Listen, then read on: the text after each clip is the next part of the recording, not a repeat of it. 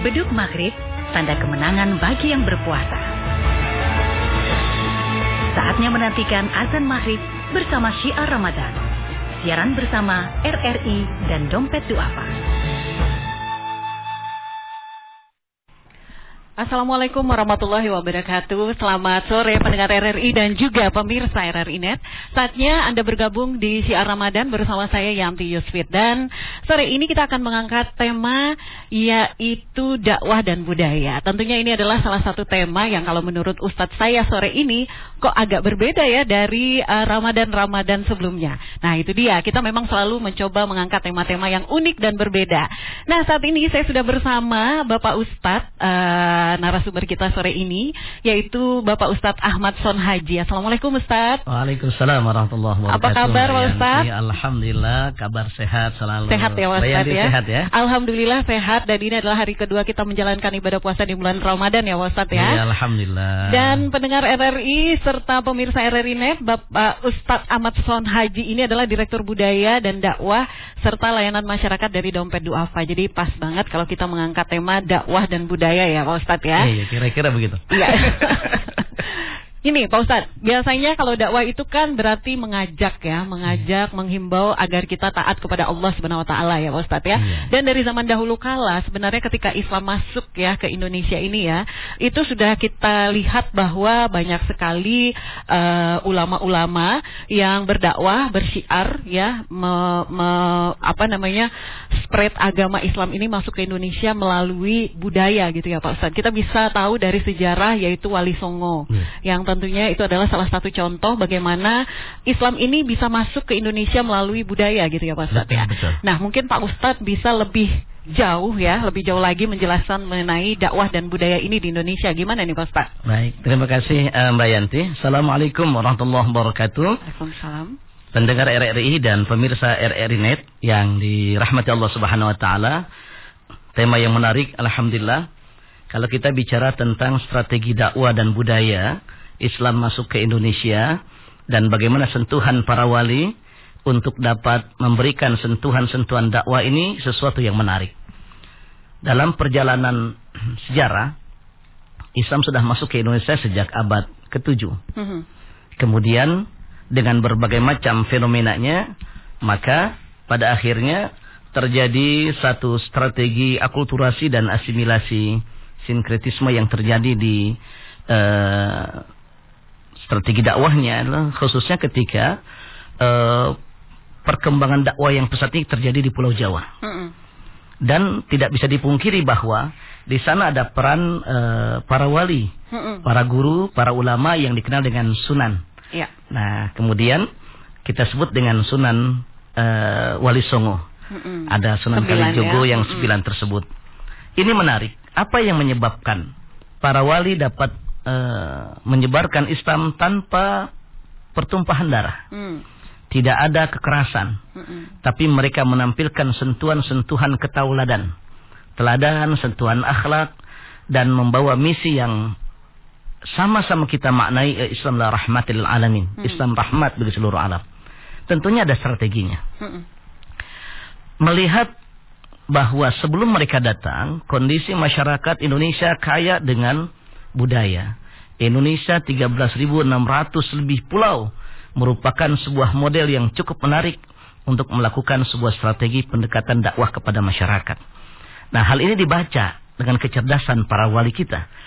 Sehingga ketika beliau masuk ke Pulau Jawa, yang menarik adalah melihat berbagai macam aneka budaya masyarakat dan itu harus dapat disentuh.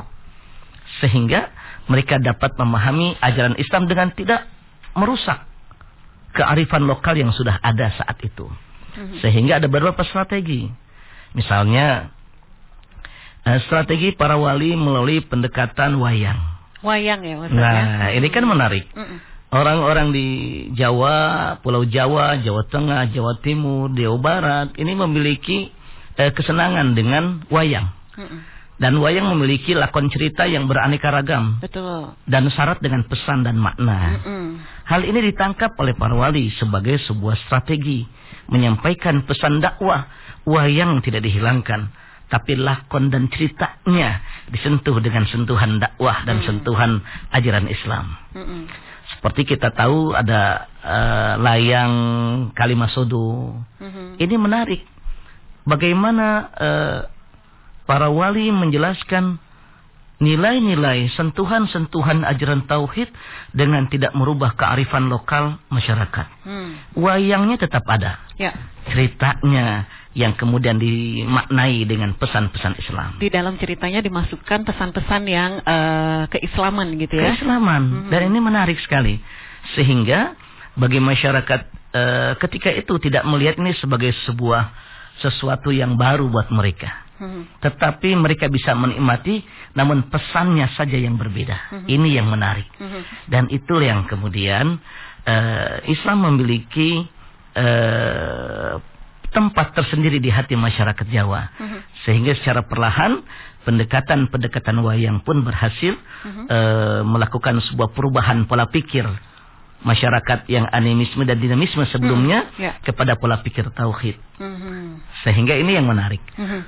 Oke, okay, tapi kan uh, pada waktu itu seperti Pak Ustadz tadi barusan bilang bahwa uh, sebelumnya kan mereka penganut animisme gitu kan, kemudian uh, berubah menjadi penganut tauhid, di mana tentunya kalau dalam Islam kita juga ada ritual atau bukan ritual sih kita mengatakannya ada rukun Islam, rukun iman dan segala macam gitu ya Pak Ustadz iya, ya. Nah itu bagaimana pada saat uh, zaman dahulu dakwah kan uh, awalnya pasti menghimbau ya, tidak ada unsur paksaan gitu ya Pak Ustadz ya. Kemudian untuk melaksanakan rukun iman, rukun Islam dan selanjutnya dan selanjutnya itu pada saat itu bagaimana Pak Ustadz? Nah ini yang menarik. Uh, saya melihat bahwa kecerdasan mm. dan visioner mm. uh, para sunan melihat uh, kondisi masyarakat melakukan dakwanya dengan pendekatan yang pragmatis dan persuasif. Mm. Ya, ada satu prinsip yang uh, sangat bagus dalam metode dakwah. Uh, Ud'u ila sabili rabbika bil hikmah wal mau'izatil hasanah wajadilhum billati hiya ahsan. Mm. Bagaimana dakwah dilakukan dengan pendekatan mau'izah hasanah. Mm. Uh, dengan tutur kata yang baik, menjelaskan tentang konsep iman sesuai dengan kadar kemampuan masyarakat. Mm. Menjelaskan tentang tentang konsep syariah mm -hmm. dengan kadar kemampuan masyarakat. Jadi dilihat kondisi uh, masyarakat Betul. pada saat itu ya Pak Ustadz ya. Baik, Pak Ustadz kita akan lanjutkan nih Pak Ustadz makin ya. menarik nih apa yang Pak Ustadz jelaskan. Tapi ya. sebelumnya kita akan break dulu, jangan ke mana-mana, tetap di Syiar Ramadan. Bersama RRI dan Dompet Duafa. Syiar Ramadan, siaran bersama RRI dan Dompet Duafa. Masih di Syiar Ramadan, siaran bersama RRI dan Dompet Duafa bersama saya Yanti Yusfit dan Ustadz Ahmad Son Haji, Direktur Budaya Dakwah dan Layanan Masyarakat Dompet Duafa.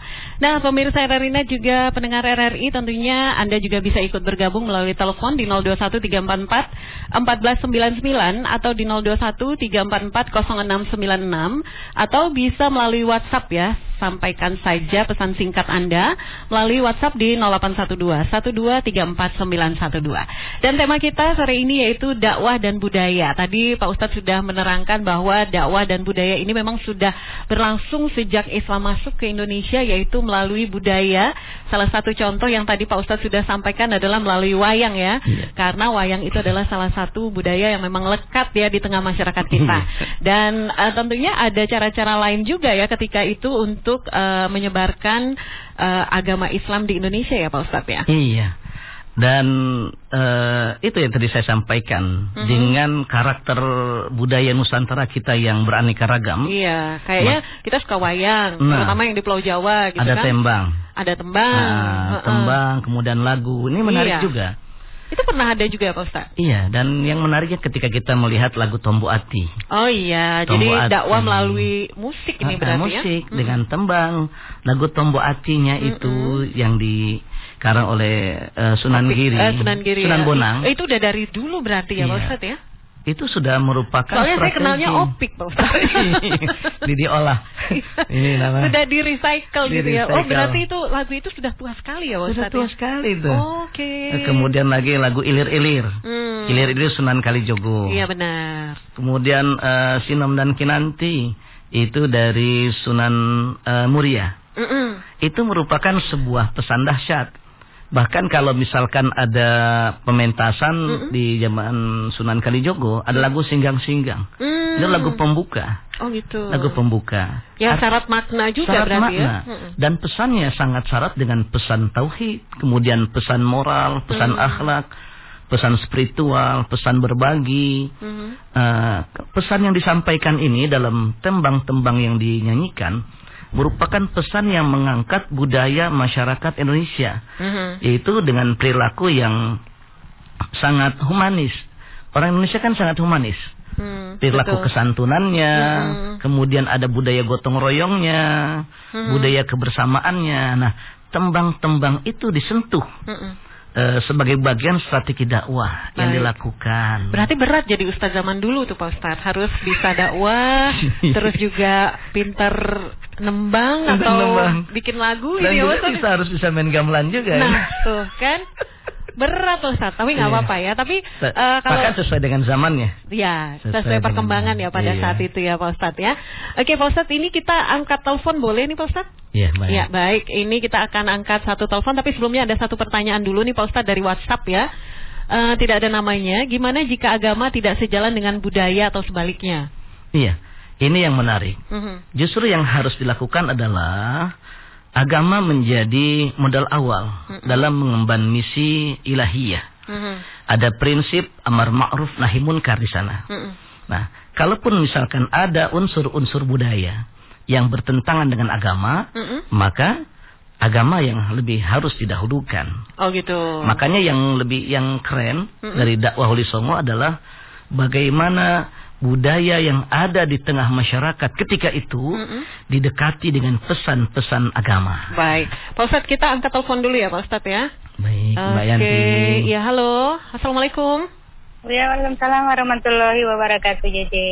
Iya, dengan Mbak Dinda teteh di Bogor Dinda. ya. Oh, Teteh Yo. Dinda, apa kabar, Teteh? Alhamdulillah baik. Gimana sebaliknya? Alhamdulillah sehat. Teteh silakan langsung bertanya kepada Bapak Ustadz Ahmad Son Haji. Ya, Assalamualaikum warahmatullahi wabarakatuh Bapak Ustaz. Waalaikumsalam warahmatullahi wabarakatuh. Teh Linda sehat walafiat okay. ya. Sehat, sehat alhamdulillah. Alhamdulillah. Wah, terputus.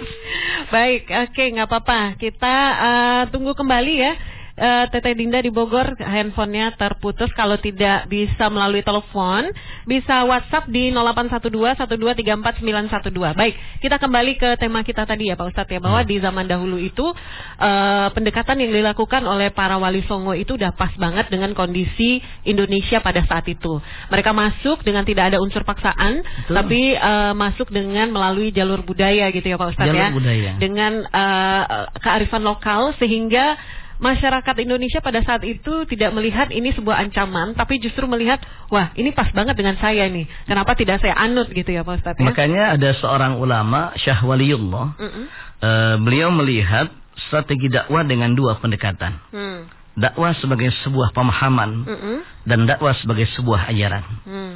Dakwah sebagai sebuah pemahaman adalah pendekatan dakwah yang sangat pragmatis, persuasif, melihat kondisi masyarakat. Baik dengan tetap menjaga nilai-nilai luhur kearifan lokal, mm -mm. namun tidak berseberangan dengan nilai-nilai ajaran agama. Baik, kalau kita berbicara kekinian nih Pak Ustadz nah. ya, kalau di Dompet Duafa itu kan ada program Dai Ambasador, iya. ya kan? Nah, mungkin Pak Ustadz bisa jelasin sedikit nih mengenai program ini Pak Ustadz. Baik, uh, di Dompet Duafa ada program dakwah namanya kita beri nama Cordova. Cordova. Korps dakwah dompet duafa. Cordova Korps iya. dakwah dompet, dompet duafa, duafa ya. Ini okay. uh, dai-dai yang uh, kita uh, bergabung bersama Dompet Duafa, hmm. kita berikan dulu pemahaman ya. tentang nilai-nilai ajaran Islam yang uh, komprehensif, hmm. yang syumulia dan uh, berwawasan wasatiyah. Hmm. Sehingga mereka dapat melihat uh, jamaahnya dengan pendekatan Islam yang rahmatan lil alamin. Hmm. Apa yang kita lakukan oleh dilakukan oleh para dai dai kita di Dompet Duafa, hmm. kita ada dakwah pedalaman, hmm. masuk ke suku-suku pedalaman, suku-suku terdalam. Nah, mereka pun kita kenalkan dengan model-model budaya masyarakat pedalaman. Oh, jadi berarti program Cordova ini juga menganut apa yang sudah dilakukan oleh, oleh para wali Songo para ya? wali. ya. Betul, betul. Dan sampai sejauh ini bagaimana respon atau tanggapan misalnya sampai ke pedalaman gitu, Pak Ustaz? Ya Alhamdulillah, kenapa? Karena dai-dai kita memiliki sentuhan-sentuhan yang humanis. Mhm.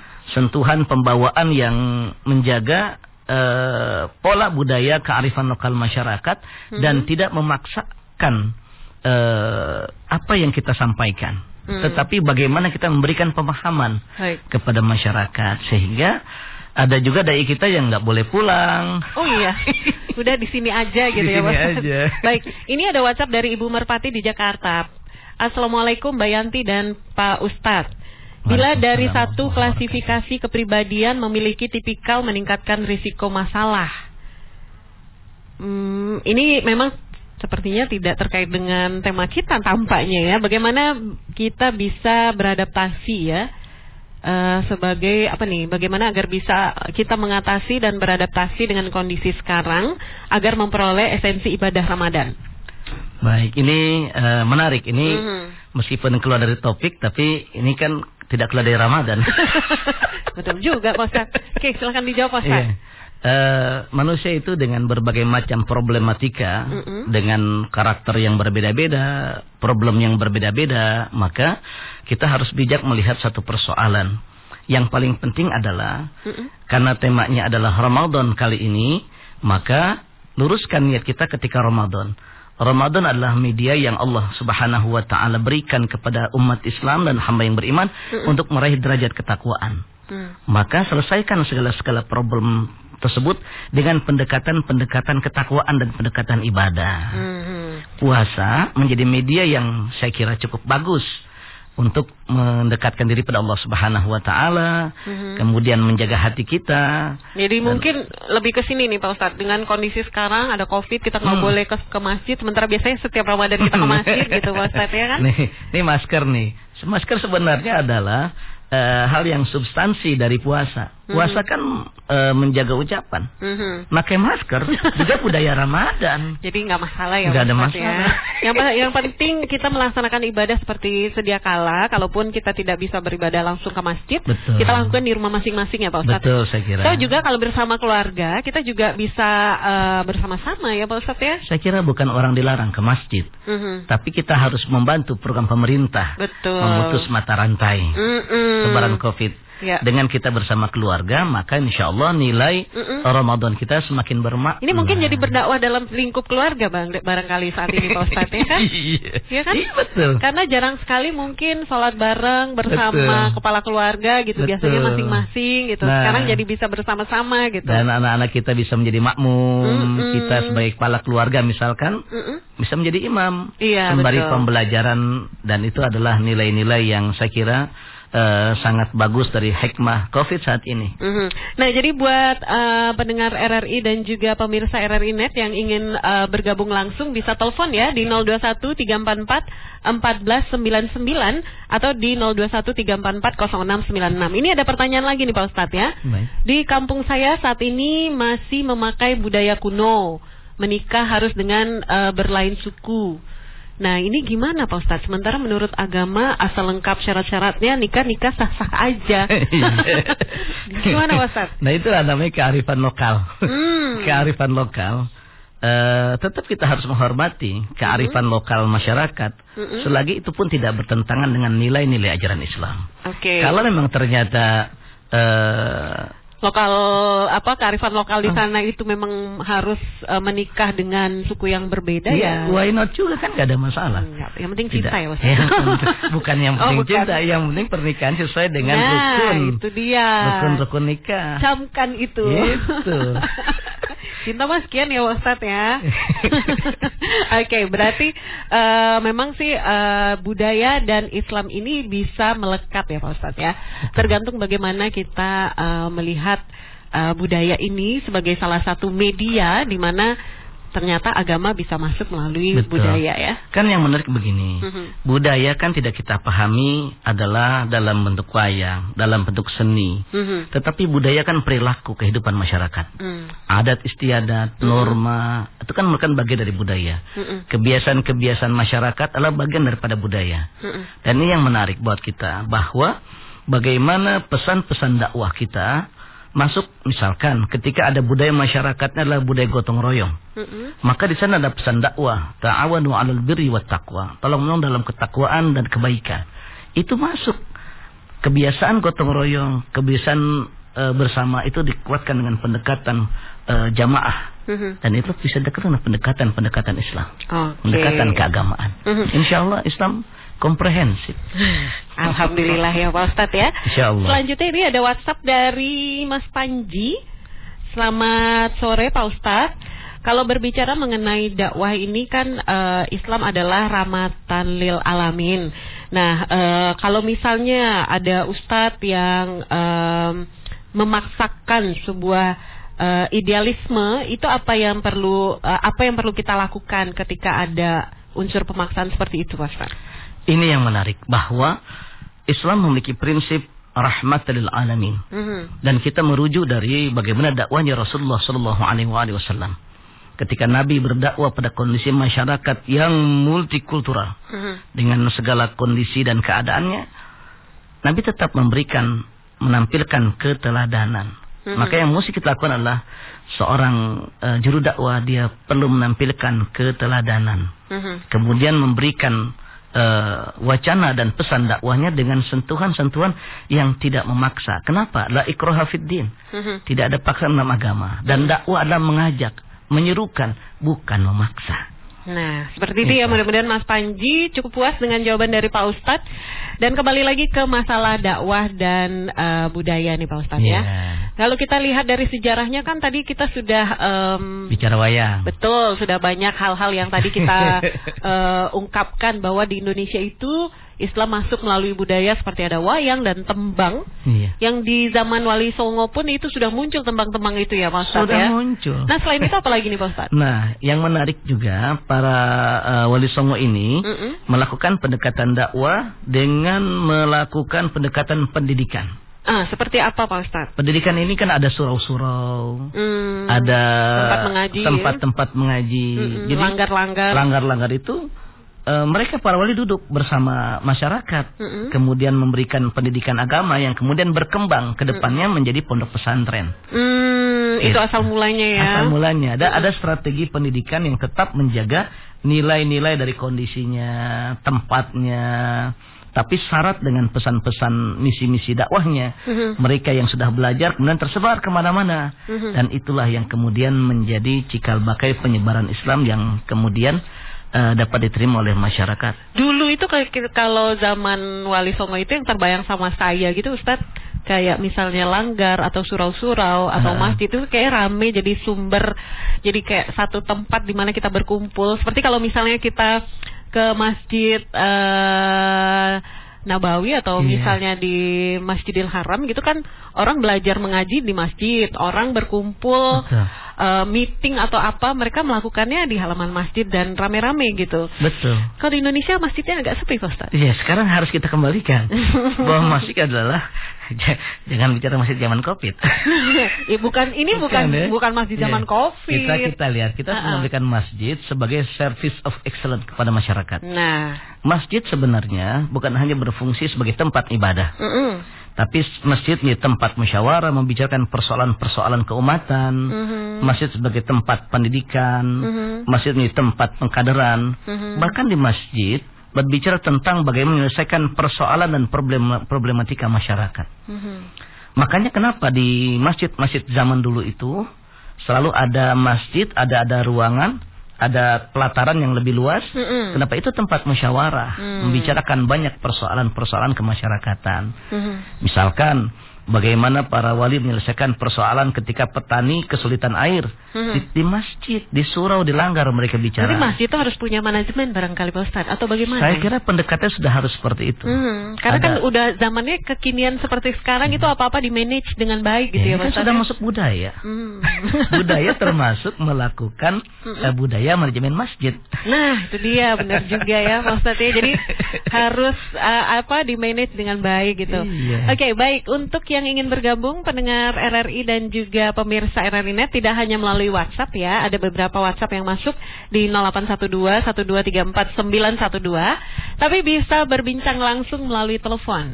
Langsung telepon aja di 021 344 1499 atau di 0213440696.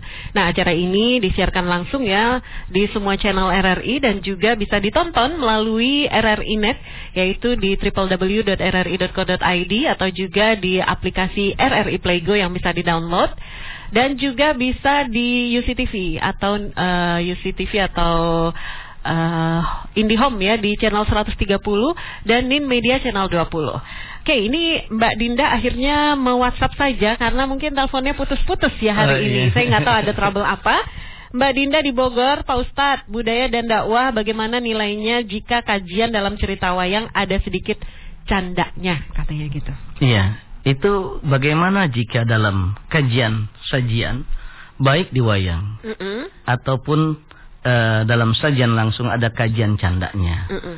Masyarakat kita kan memiliki kultur dan klasifikasi uh, pemikiran yang berbeda-beda. Mm -mm. Kelas pemikiran yang berbeda. Ada mereka senang serius, ada yang mereka agak bercanda dikit. Agak bercanda gitu ya? dikit. Mm -mm. Selagi itu kemudian tidak keluar dalam konteks konteks dakwah yang berlebihan mm -mm. dari candanya dan tetap menjaga nilai-nilai yang eh, kesopanan, mm -mm. saya kira itu bagian daripada menghibur masyarakat. Hmm. Namun tidak boleh keluar dari konteks uh, konteks candaannya dari nilai-nilai dakwah itu sendiri.